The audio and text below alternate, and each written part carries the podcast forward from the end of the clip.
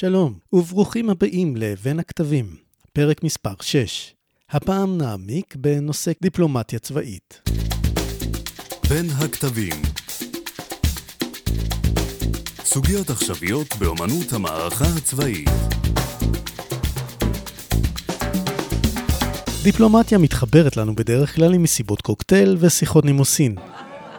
אלה שקצת יותר מבינים, או שהשקיעו וקראו בוויקיפדיה, יודעים שדיפלומטיה היא אמצעי ביצוע של מדיניות חוץ באמצעות אומנות משא ומתן.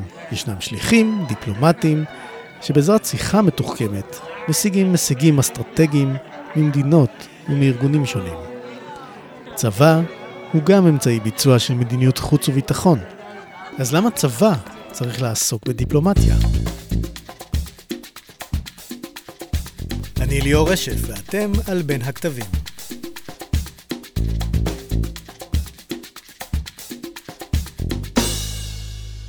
הרי ידוע ש... When you have to shoot, shoot, don't talk. Every gun makes its own tune. אבל לפעמים אתה לא רוצה לראות. לפעמים אתה רוצה לבלום חילופי אש מלהידרדר למלחמה, או לפעול בסמוך לגבול בלי לדרוך את הצד השני. על זה בדיוק שוחחנו עם מי ששירת עד לאחרונה בתור ראש החטיבה לקשרי חוץ בצה"ל, תת-אלוף ארז דוד מייזל, אשר יזם ותרם להוצאת גיליון כפול של בין הכתבים, שעוסק בדיוק בנושא זה, דיפלומטיה צבאית. אהלן ארז. שלום. תגיד, למה צה"ל צריך דיפלומטיה צבאית? אולי כדאי לנסות להתמודד עם השאלה המאוד מורכבת הזאת, שדווקא רוצה לצטט את אה, מי שעד לא מזמן היה מזכיר ההגנה האמריקאית, אה, גנרל אה, ג'יימס מאטיס. There are a lot of nations out in that region that would like to see more U.S. navies making port calls in their harbors. And sometimes in this world, the best ambassador you can have is a man of war. Sometimes in this world, the best ambassador you can have is a man of war.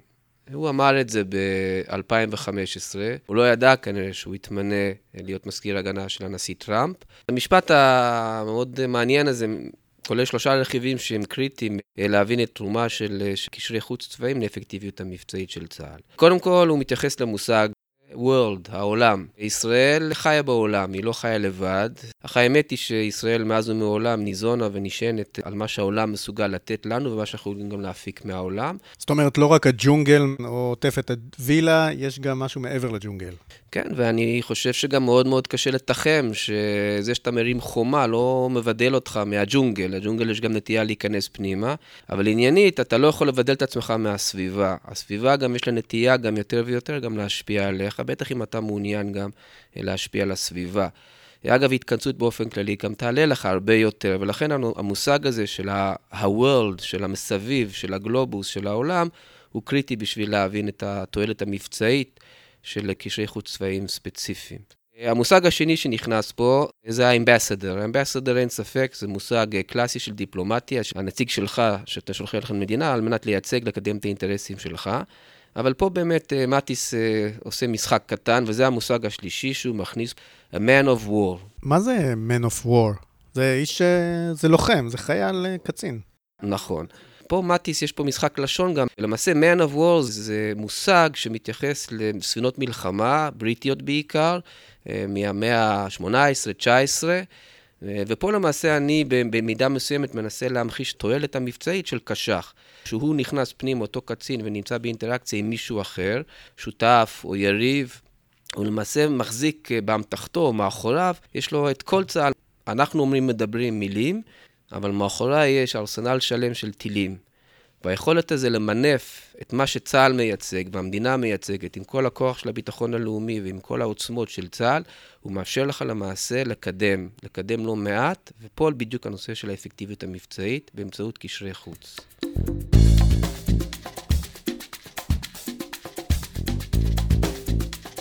ארז, אבל לא הבנתי, יש uh, למדינת ישראל שגרירים, מה עכשיו צריך uh, דיפלומטים לובשי מדים?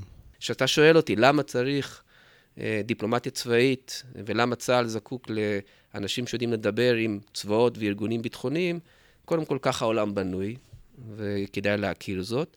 ושתיים, זה מאפשר לך קודים, מאפשר לך פוטנציאלים שפשוט לא קיימים בעולם הדיפלומטיה הקלאסית. בעולם נהוג לחלק את האינטראקציה הבינלאומית והאזורית, אגב, שביחד הם יוצרים איזשהו רצף. אז מה זה הכלים האלה? אז הראשון, הראשי תיבות זה מידל, שזה בסוף אמצע, זה תווך למעשה. גורם, המתווך הזה, אותו איש אה, קשרי חוץ, במקרה הזה, הוא למעשה נמצא בין צה"ל, מצד אחד, עם כל העוצמות של צה"ל וכל ה... כל מה שצה"ל מגלם, אה, גם בפן התודעתי וגם בפן המוחשי, המטריאלי, לבין הצד השני, זהו העולם, זה הפוטנציאל. ומה זה מידל? מידל בסוף זה אותם כלים בצורה מאוד מאוד גסה, שאני עושה פה איזושהי חלוקה, מיליטרי כמובן, צבאי. I זה כמובן כל עולם ה-information, או אם תרצו גם intelligence, שזה מודיעין. D1 זה defense, כרגע זה הצעד, זה התלת הקשיח יותר. אחרי זה יש את הדיפלומסי, זה אותו עולם של אה, משרד החוץ כמובן, והדיפלומטיה הקלאסית. אחרי זה יש את כל העולם המשפטי, שזה legal, ויש כמובן את העולם, ה, נקרא לו הכלכלי-אנרגטי, שזה energy and economy. כל אלה למעשה נותנים ברשות המדינה כלים מאוד משמעותיים לקדם את האינטרסים שלהם. נגיד, מפקד אוגדה 91, איך אתה עוזר לו לאפקטיביות המבצעית? יש שם גם מאמר מיוחד, מאמר של אה, סגן אלוף במילואים אראל צ'רניס, הוא ממוקד לעשייה הקישורית בגבולות. כשאתה מסתכל על כל הגבולות שלנו, הם נראים uh, קווים. אתה אולי רואה גדר, רואה מכשול, אני רואה את מה שניתן לייצר מעבר לזה. החוכמה היא שמסתכלים על הגבולות, זה יכולת uh, להגדיל את העומק שלנו. מסביבנו יש מגוון גבולות. קודם כל, בצפון יש גבול עימות, ופה גם פועל כוח uh, בינלאומי. יוניפיל פעם אחת ואונדוף פעם שנייה. מול ירדן, יש לנו הסכמים, הסכם שלום מ-94, מאוד מאוד חשוב. ופה למעשה אנחנו פועלים ישירות אה, מול, ה, מול הצבא הירדני, פה עבודה מאוד, מאוד משמעותית, וזה מתבצע באמצעות קישור צבאי, מרכז קישור אה, ירדן. אה, מול מצרים יש סיטואציה, גם גבול שלום. ההתנהלות מול מצרים, מול ירדן, מול סוריה ומול לבנון, לא דומים. כולם נקראים קישור, אבל ההתנהלות היא מאוד מאוד שונה, וגם האינטראקציה או הקשר בין העשייה בגבול לבין הבינלאומי הוא רצוף. אתה לא יכול לנתק עבודה קישורית בגבול עם, עם עשייה אה, בעולם. יש רצף בין הגבולות לבין העולמות דיונים או הארמונות. אבל ספציפית, כשמפקד אוגדה מרים את המשקפת לטובת העניין, הוא רואה הרבה מעבר לגבול. הוא מעוניין גם להשפיע, הוא מעוניין גם למנוע דברים, והוא מעוניין גם לייצר מספר דברים אה, באזור אה, דרום לבנון, ואולי אף למעלה מזה, בטח כשמדברים על העיסוק המטכ"לי. מי, מי זה הגורם הזה שנמצא ספציפית, שמדברים בגזרה של 91? אז קודם כל יש שם גורם זר, צבאי, חמוש, מאומן יחסית, אמנם מופעל על, על בסיס אה, מנדט אה, בינלאומי מאוד מורכב מבחינתנו, 1701. לכוח הזה קוראים יוניפיל. אבל הכוח הזה הוא אמנם כוח צבאי בינלאומי, יש לו מפקד, במקרה היום הוא גנרל איטלקי, בעיניי מוכשר ומקצועי, גנרל אה, סטפנו דל קול, אבל הכוח שלו למעשה מורכב מגדודים גדודים, פלוגות פלוגות ואף מחלקות מכל העולם. גם כשאתה מדבר איתו, כל גדוד הוא גם פועל בצורה לא בדיוק עצמאית, אבל יש לו גם מחויבות למדינה שלו. תן דוגמה, נגיד באזור אה, אזור אצבע הגליל, פועל אה, גדוד ממדינה אירופאית מאוד חשובה לישראל, אבל הכוח הזה אה, מפעיל מדיניות של הגנת כוח מאוד מאוד, נקרא לה עצימה. הוא מפעיל שבשים. לשבשים האלה יש משמעות, הם פועלים, הם, הם משבשים את האספקה, את אספקת המים של החקלאים שלנו. אז פעם אחת תדבר עם מפקד הכוח ותסביר לו, אדוני, זה משפיע עלינו, זה פוגע בחקלאים שלנו, אבל זה לא מספיק. אתה צריך גם לדבר עם משרד ההגנה ועם המטכ"ל של אותו מדינה אירופאית, על מנת להמחיש להם את העניין. סוג של תשובה למה ששאלתם, מה מפקד האוגדה רואה מעבר. הוא רואה בסוף כולם לבנים, עם קסדות, אה, עם קסדות כחולות, אבל אני רואה רכיבים רכיבים מכל העולם.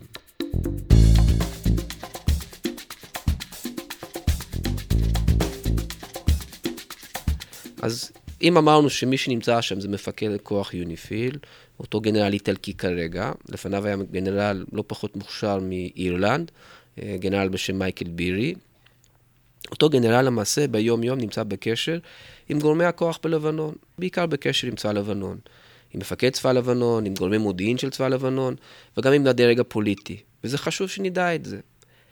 כי כשאנחנו נרצה להעביר מסר כזה או אחר לצד השני על מנת לנהל אירוע או למנוע אירוע או כל דבר אחר, מאוד חשוב לנו שלמפקד הכוח הזה יש יכולת לתקשר עם הצד השני. אבל זה לא מספיק, יש גם את הצד שלנו. הצד שלנו מנוהל למעשה, מתוחזק לאורך זמן על ידי עוד קש"ח, מערך או חטיבה, והוא למעשה משולב, כמו שאומרים באנגלית, embedded, חלק אינטגרלי מצה"ל.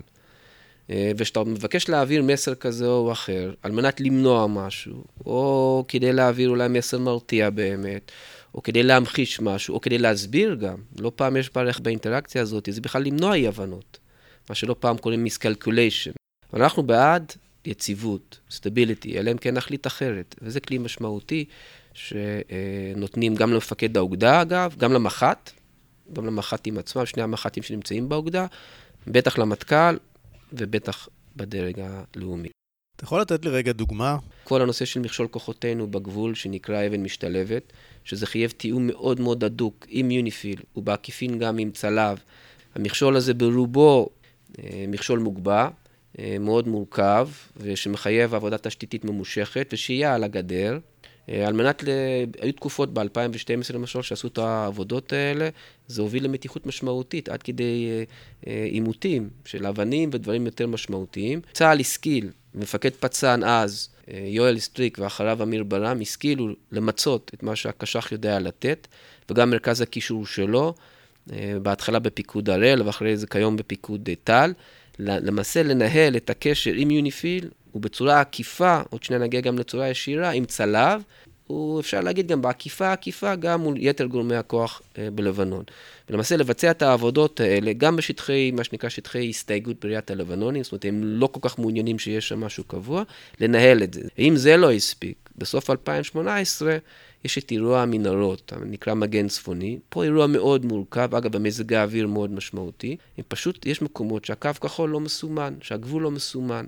בראייתנו גבול, בראיית העולם קו כחול. הם פשוט נעמדו שם בכל מזג האוויר, ולמעשה חצצו בין חיילי צלף, שלא פעם הפנו נשק, כולל RPG נגדנו, לבין חיילינו שעבדו שם.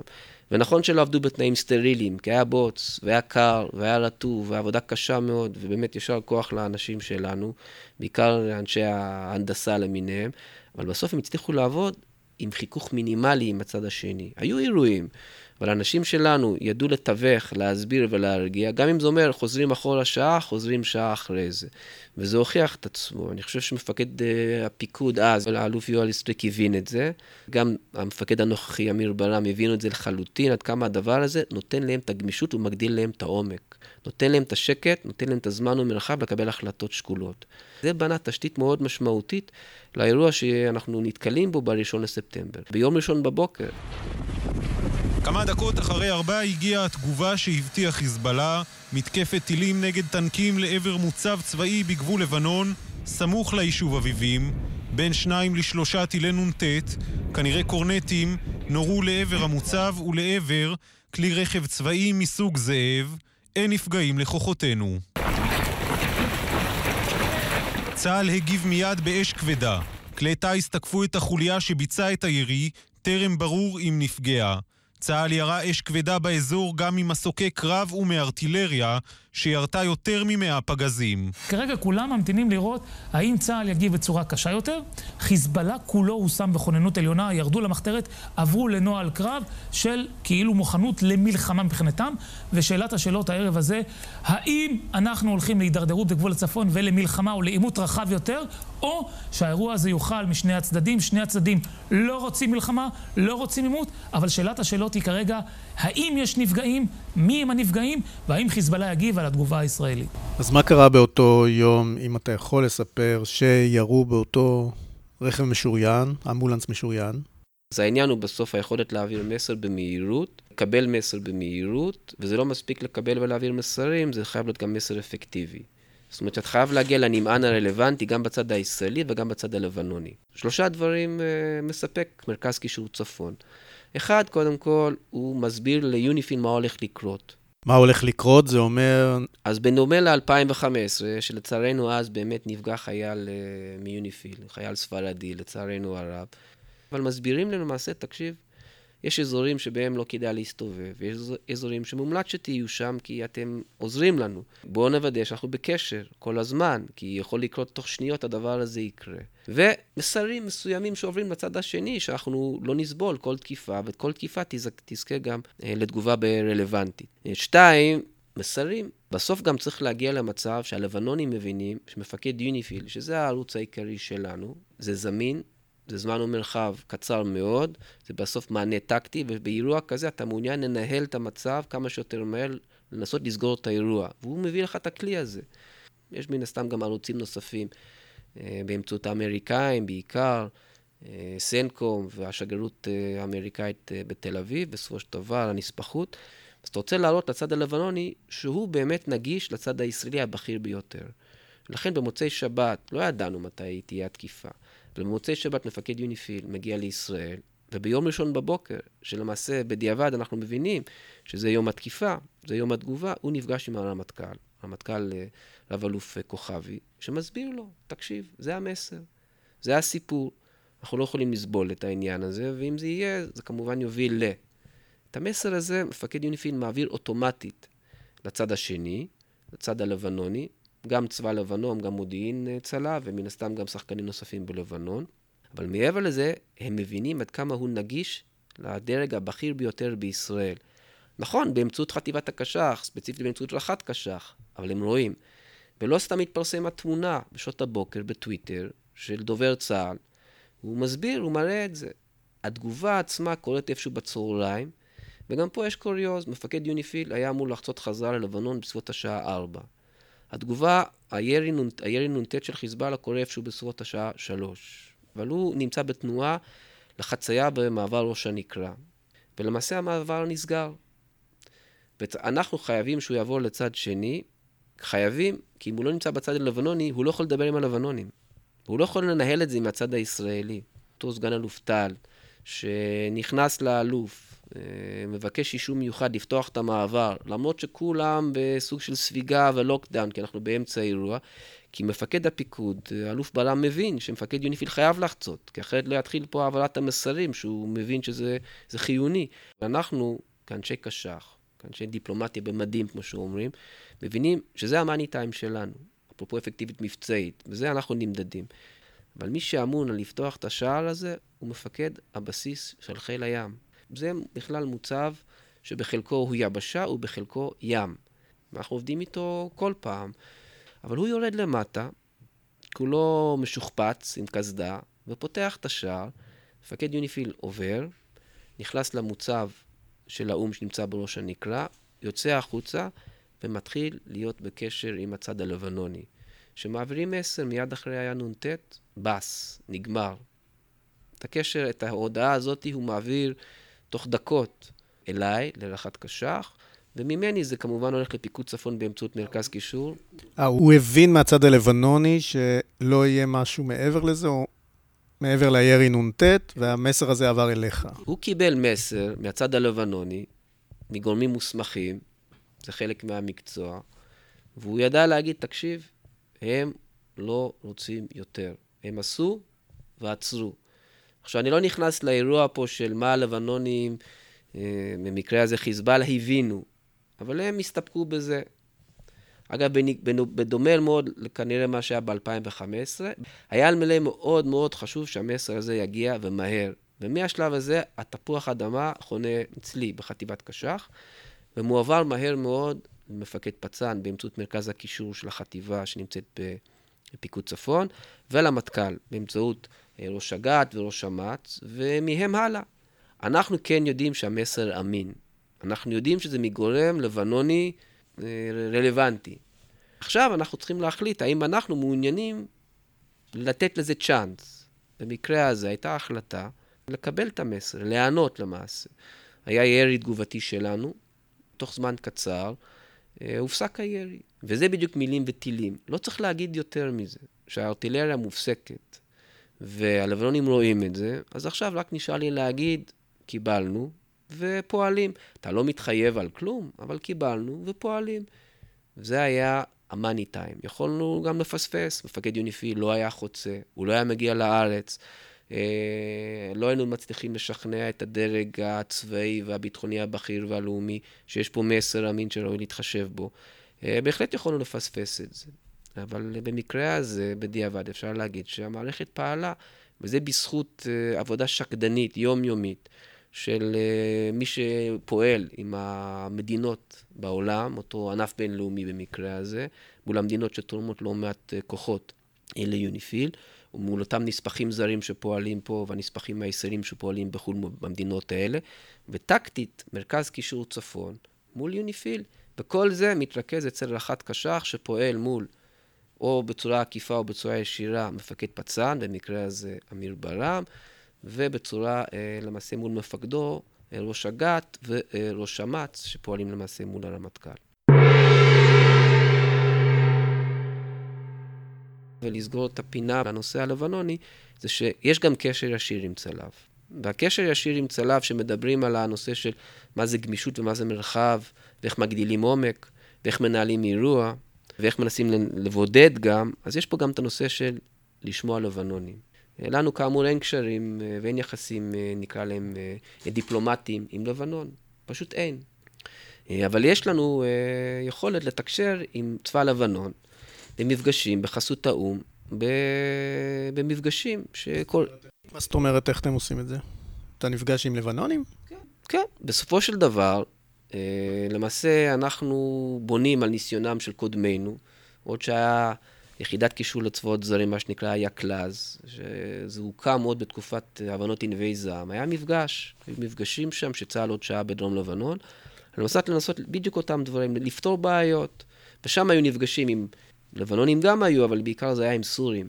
וצרפתים ואמריקאים ניהלו את זה, וגם האו"ם היו, אבל הם היו אה, לא הדומיננטיים. מ-2006 אה, הוקם מפגש, הוקם מוסד, טריליטרלי, תלת, שיש שלוש שולחנות בחדר די צנוע, שבראש המפגש יושב מפקד יוניפיל, שפורס למעשה את חסותו על המפגש הזה. יש שולחן של קציני צבא מצה"ל וקציני צבא מלבנון, וההתנהלות מתבצעת באנגלית, באמצעות מצגות ושיח, בעיניי מכובד, כלי אפקטיבי, וזו הזדמנות לשמוע את הלבנונים וגם להשמיע ללבנונים. ואני חושב שזה כלי משמעותי למניעת אי-הבנות, מה שאנחנו קוראים misunderstandings, ועל מנת לנסות לקדם יציבות, stability כמשהו מאוד בסיסי, בקו הכחול, המכונה לא פעם גם הגבול הישראלי-לבנוני. אבל פה דיפלומט למשל לא יכול לבצע את זה, משום שאין קשיים דיפלומטיים. אז כששואלים אותי, אז למה צריך אה, קש"ח צבאי? למה בכלל צריך דיפלומטיה צבאית בצה"ל? אז קודם כל, מפגש כזה, זה בין צבא לצבא, מתנהל על בסיס פרוטוקול מסוים. ודיפלומט לא מסוגל לבצע, לא בגלל שהם פחות טובים או יותר טובים. הסברתי, יש middle, יש עולם שלם. גם יש מרכיבים uh, מבצעיים. כמובן, גם בסוף, אבל... תשמעו, גם, בע... גם בעבר היו ועדות שביתת נשק, מ-48 ואילך, אה, מה שנקרא ועשן, ושם היה יותר מעורבות של משרד החוץ. אבל זה גם היה קשור לגוף אחר שנקרא אונסו, אה, שהוקם עוד ב-48. אבל יוניפיל ואונדוף, הם פועלים למעשה אה, ללא אונסו כמעט, או ללא המימד הדיפלומטי. המימד הדיפלומטי הוא המדיני מנוהל בכלל במטה האו"ם. היכולת שלנו לנתק למעשה בין העשייה המבצעית בקו, על מנת לקדם יציבות, או למנוע דברים, היא מאוד משמעותית, וזה באמת, אם מחפשים איזשהו אה, נדבך משמעותי, מה זה דיפלומטיה צבאית, זה זה. אונדוף זה היוניפיל של אה, סוריה. כן, אונדוף זה באמת אה, הכוח שהוקם ב-1974, גם פה הוא נועד למעשה לקבע מצב ביניים, אה, הפסקת אש בסוף מלחמת יום כיפור. הכוח הזה למעשה באיזשהו מקום פורק תוך כדי מלחמת האזרחים הסורית. הוא יצא חילץ את עצמו, אגב, בסיוע ישראלי לצד הישראלי, וכל תקופת מלחמת האזרחים הסורית עד 2018 שהיה רק בצד הישראלי. בתמוך, בתמיכה ישראלית, בעידוד ישראלית, אה, גם אפשרנו אה, את החז... גם מאוד אפשרנו את החזרה שלהם לצד הסורי, למחנה שלהם באומת אל-פואר, ולא רק במחנה הישראלי שנמצא בזיווני. בכל התקופה הזאת הם אה, נערכו בחרמון, שזה חיוני כשמסתכלים על יציבות ושמירת קווים. אה, ובשנה האחרונה גם, אה, באמת בעידוד שלנו ובסיוע אה, מאוד משמעותי של האמריקאים, פתחנו מחדש גם את מעבר קונטרה, שנועד למעשה לסמן את הפוטנציאל ליחסים דומים למה שהיה עד 2011-2012 בסוריה, של, של איזשהו חיים בצוותא ברמת הגולן.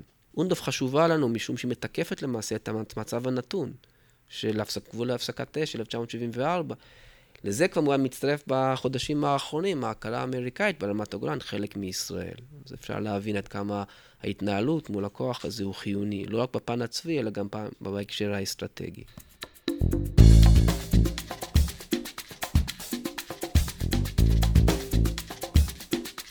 תגיד, על עזה לא דיברנו קודם. אה, עזה למעשה זה באחריות מלאה של המתפ"ש, ויחסים של חטיבת קש"ח עם המתפ"ש הם טובים מאוד. מה קורה בסיני? יש נספח צבאי? המקרה המצרי הוא מאוד משמעותי. קודם כל זה הסכם הראשון. הסכם שלום הראשון שלנו, זה גם הישג אמריקאי, אזורי, בעיניי גלובלי. אה, לא פעם, אה, לא פעם מסתכלים על... אז מה, אז מה זה נותן הדברים האלה? הגבולות האלה ארוכים, גם ירדן וגם מצרים, ומי שמחזיק את זה, זה בסוף המדינות וישראל. הם האמריקאים החוצצים בסיני, לא נלחמים בשבילנו. שאנחנו מדברים ישירות עם המצרים, אז מה זה עוזר שיש שם עוד buffer? הקשרים שלנו בקישור הצבאי עם, עם המצרים הוא טוב מאוד. בכל זאת, שנה שעברה ציינו 40 שנות אה, שלום, ואני חושב שהתוצאות בעד עצמם. בסוף, הנוכחות, לא רק הערבות והסיוע הכלכלי האמריקאי, זה מה שהופך את הכרוב חמוץ. Uh, it's, not a, it's not enough to be a contributor, you need to be present. Uh, לנוכחות פיזית, עם כל הכבוד לווירטואליות ודברים שאפשר לתקשר ברשת, בסוף, כמו שאני התחלתי את השיח הזה איתך, את השיחה, בסוף הקשר בין בני אדם זה ההבדל. It's not enough to be seen, you need to be seen and heard. והנוכחות האמריקאית בכוח המשקיפים הרב-לאומי, מה שנקרא ה-MFO, הוא חיוני. אמריקאים הם למעשה, הם הערבות, הם הביטוח לעניין הזה. ובכלל ההשקעה בכוח הזה, בנוכחות האמריקאית שם, כמה, אני לא נכנס לאינטרסים האמריקאים, אבל עבור ישראל, אני חושב שבמידה מסוימת גם עבור המצרים, הוא חיוני. כי הנוכחות האמריקאית למעשה מתקפת, מחזקת את כוח המשקיפים. הרב-לאומי, את ה-MFO, ואם האמריקאים יצמצמו את הנוכחות הפיזית שלהם שם, יכול מאוד להיות, אני אסביר גם למה, יכול מאוד להיות, שחלק מהמדינות התורמות הנוספות פשוט לא יבואו. למה? כי הכוח הרב-לאומי, הכוח המשקיפים הרב-לאומי, הוא לא כוח אומי, הוא בהתנדבות. הם באים לשם כי הם מאמינים, המפקד הנוכחי הוא מניו זילנד, לפניו היה מאוסטרליה, לפניו היה מקנדה, כולם קצינים מצוינים, אנשים באמת שניתן לעבוד איתם, אבל לקוחות הם מכל העולם. הם לא שם מטעם האו"ם, הם שם בגלל שהם מאמינים בחזון הזה שנקרא שלום. הם שם בגלל שהם מבינים שזה חשוב. אבל השלום או הגבול אה, נשען על אה, האינטרסים של שתי המדינות, לא על האנשים בסוף שנמצאים בגבול. לא, הנוכחות האמריקאית מסבירה גם לישראל וגם למצרים, זה חשוב לנו. ואם הם לא היו שם, אולי זה אומר משהו. הכוח גם מורכב ממספר כוחות, אבל האמריקאים נותנים את הטון. ואם הם לא יהיו, מאוד יכול להיות שיתר הכוחות יגידו, רגע, אם אין אמריקאים, אז מה אני עושה שם? ואז מה? אז אני חושב שבאופן כללי נכון תמיד לבחון דברים, אבל לא בטוח שבשנת 2020 זה הזמן לבחון דברים. השנה הזאת, שמסתכלים סביבנו על כל מיני שינויים, זה לא שנה להתנסויות. זה שנה להאחז חזק ולטפח את מה שיציב. והכוח המשקיפים הרב-לאומי אחרי 40 שנה, נכון לבחון, נכון לבחון דברים, אבל ראוי לשמר את מה שיש. והנוכחות האמריקאית, גם הפיזית וגם הסיוע הכל כך חיוני, הוא משהו שחייבים בעיניי, בצניעות אני אומר, לשמר גם לתוך 20 ובטח גם מעבר לזה.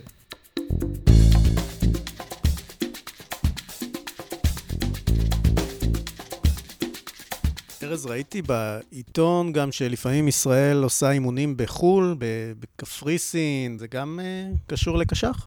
קודם כל, מי, ש... מי שמתאמן זה מן הסתם הכוח. נגיד בקפריסין, מי שבסוף מוציא את האימונים האלה לפועל זה זרוע היבשה. שותף מרכזי לקש"ח בחו"ל זה קצין צנחנים וחי"ר אה, ראשי. אז האימונים בקפריסין הם באמת אימוני uh, קומנדו. אבל אני כאיש קש"ח מסתכל על זה גם על משהו אחר לחלוטין. מה זה אומר לשכונה? שרואים שישראל מתאמנת ביבשה, כוח קומנדו, חלקו מוסק, מגיעים לשם גם מן הסתם אה, בים, שמדברים על הקרנת עוצמה, אימונים בחו"ל מקרינים עוצמה.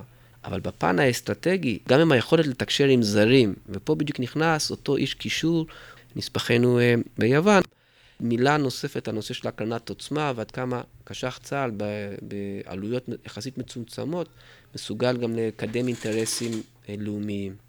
ראש הממשלה החליט לפני אה, אי אלו שנים לחדש את ההשקעה באפריקה. וההמצאה שהמצאנו היה מה שנקרא Mobile Training Team, MTT, שזה מיזם של קש"ח עם קחצ"ר, עם משרד הביטחון, ספציפית סיבת, כדי לאמן כוחות. התחלנו באפריקה, מאז גם הגענו למזרח הרחוק, והכוונה היא גם אה, לעשות מספר אימונים כאלה אה, במדינות נוספות. מה זה הכוח הזה? מדריכים של קחצ"ר, של הבתי ספר, מצוינים, עם לקחים, שבין אימונים, בין, ה, בין הקורסים, מקבלים חוויה נוספת. גם חו"ל וגם מדריכים, וצה"ל והמדינה. לא הבנתי, את מי מדריכים? צבא המקומי? מדריכים את, ה... את השותפים שלנו. זה נקרא לזה סדרת אימונים בחו"ל, וכל זה מתבצע באמצעות, אפרופו המידל, אז זה הדוגמה, גם military, גם defense וגם diplomacy. גם צה"ל, קש"ח וקחצ"ר, גם משרד הביטחון, אבט"ם וסיב"ט, וגם כמובן diplomacy, משרד החוץ, כי בסוף מי מגיע לטקס סיום? מי עוזר לבצע את המשימה? השגריר או נציגו באותה מדינה. לאחרונה היינו בנפאל, שם גם ציינו את אה, מורשת אה, מאוד מאוד חשובה של שיתוף פעולה. מי שהקים את בית הספר לצניחה בנפאל זה צה"ל, אה, מי שנקרא אבי הצנחנים, מרסל טוביאס, ועד היום ה-swing שם, שנמצא שם בבית ספר שלהם, בתור אחד שצנח לא פעם, והתאמן על ה-swing בתל נוף, זה אותו סווינג בדיוק. אבל הם גם לוחמים טובים, הם גם משרתים אגב בכמעט כל כוחות שמירת השלום מסביבנו, וככה זה נותן גם מקדם את המורשת, גם משמר את השת"פ, וגם מתחזק את הגבול. וכשאני מדבר על, יש רציפות בין הגבולות לבין הארמונות, לבין עולמות הדיונים, נפאל זו דוגמה מאוד טובה. יש פה גם פן ערכי, יש פה גם פן מבצעי, ויש פה גם פן דיפלומטי.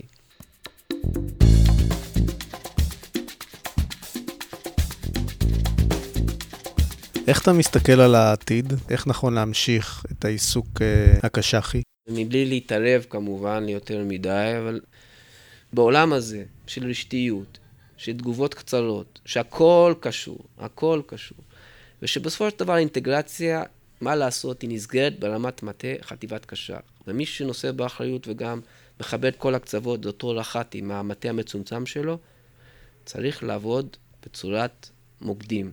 מוקד ירדן, מוקד מצרים, מוקד צפון, מוקד בינלאומי, מוקד אה, אמריקאי או צפון, אמריק, או צפון אמריקאי, ולזה יש מטה מצומצם. פעם אחת המטה, ופעם שנייה האגם, והבית ספר. אבל החוכמה היא less is more.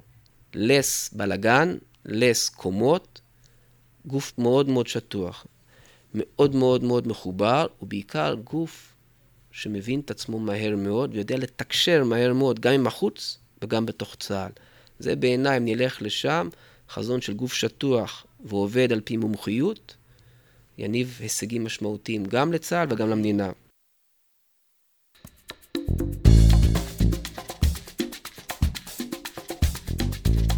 למה הצבא צריך לעסוק בדיפלומטיה?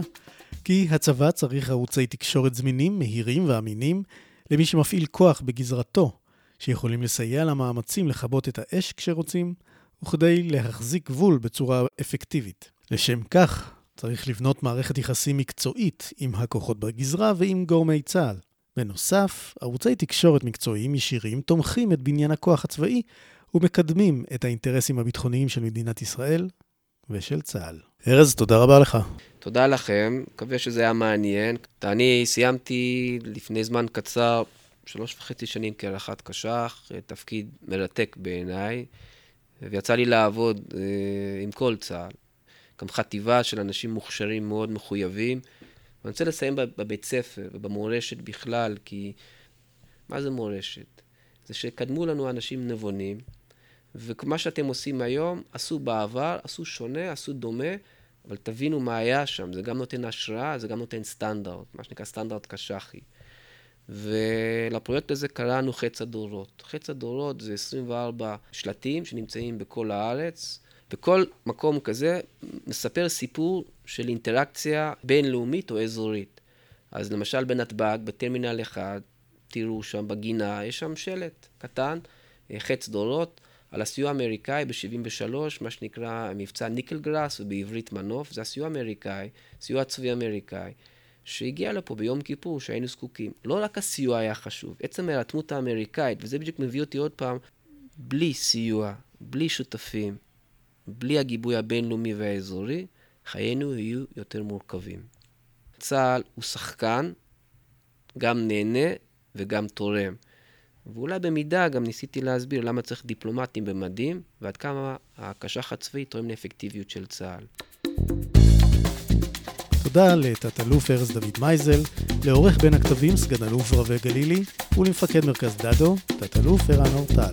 אני מפיק ומגיש, ליאור רשף. משתמע.